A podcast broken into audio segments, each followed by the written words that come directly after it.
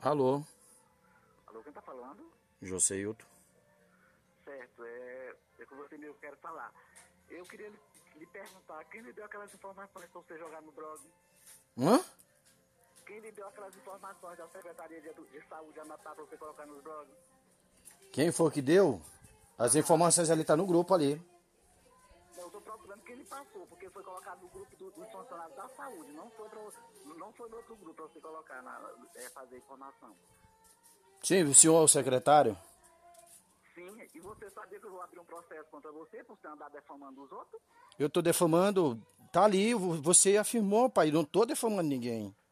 Olha, mas, é, mas ninguém, olha, você sabia que é falta de ética você é, é, fazer uma coisa sem autorização dos outros? Você sabia? Sim, você é secretário, você é uma pessoa pública. E você é um vagabundo. E me respeite. Respeite como eu lhe respeito. Você que deve me respeitar, porque eu, não- nenhuma intimidade pra você tá, tá postando aqui. Você é, uma, você é um secretário de saúde. Você- E você não me conhece, você não sabe com quem você tá mexendo, viu? Você não sabe. Tudo bem, agora.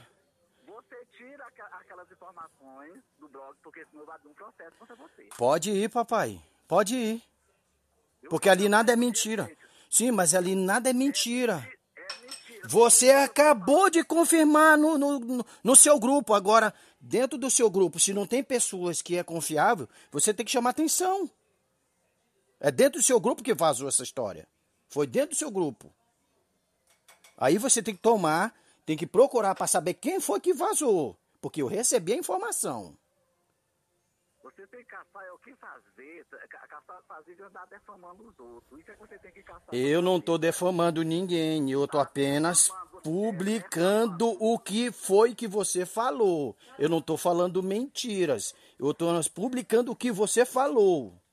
Agora, o senhor tem que procurar as pessoas que estão no grupo seu de saúde e verificar quem está vazando as informações. Entendeu? Eu apenas publiquei o que você falou. Mas quem autorizou você publicar? Sim, eu estou publicando eu como jornalista e radialista. Eu estou publicando um fato. Um fato. Não é mentira. Isso não é mentira. Isso é um fato, pai. Eu estou lhe perguntando, ó, me- eu não sou seu, eu não sou seu pai. Sim, a, a forma que eu estou lhe dizendo que é seu pai é forma de respeito. Mas eu não sou seu pai, eu não tenho, eu não tenho um filho que faz esse tipo de coisa. Hum. Sim, tudo bem. certo? Certo? E eu estou perguntando para você quem lhe deu a informação. Eu não vou lhe passar informações porque isso- isso não é da minha, jurisprudência, da, da minha jurisprudência informar quem foi a fonte que me falou. Agora o senhor tem que saber quem foi que vazou do seu grupo. É só isso. Eu não vou lhe falar quem foi que me passou essa informação. Não vou. Agora, se o senhor quiser entrar com uma ação judicial, pode entrar. Agora as provas estão lá. Não foi eu que falei, foi o senhor que falou.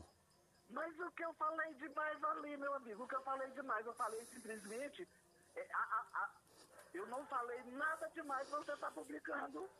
É, é, colocando palavras que não existem. Não, mas tá lá que você, você falou, tá lá no grupo lá que você está decepcionado. Escuta, escuta, em Sim. momento algum eu citei, eu citei nome de prefeito, em momento algum eu citei nome de, de administração. Eu falei de mim.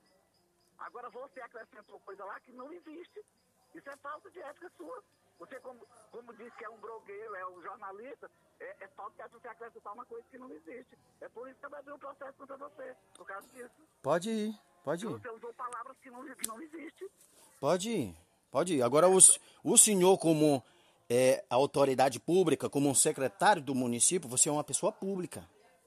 Entendeu? Você é uma pessoa pública. Agora, se fosse uma pessoa física, eu não agredi ninguém. Eu estou falando do poder público. Não estou agredindo a sua pessoa como física.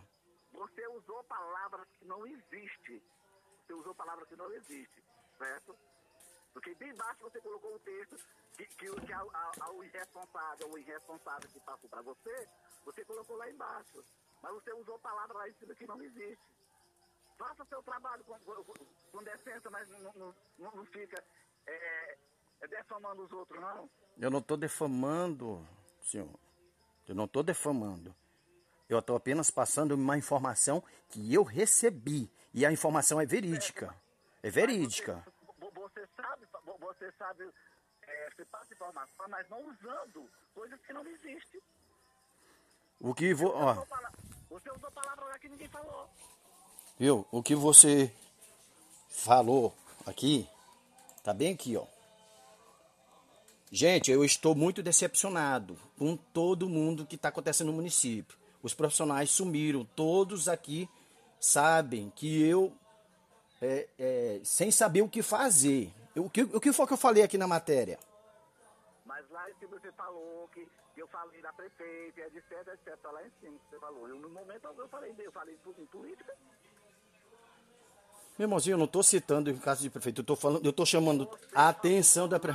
Tá, tudo bem, sem discussão, ei, sem discussão. Se você tem algum problema com a prefeita. Não, eu não tenho prefeito, não tenho problema.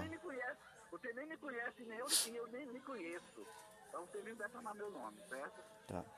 Tá bom. Se você tá achando que eu fiz uma coisa errada, procure seus direitos. Tá bom? A- na, próxima, vez que você citar meu nome, al- algum, algum documentário, você vai se ver comigo, viu? Não, tá aqui. Você tem seu- todo o seu livre e artigo para falar. Como é?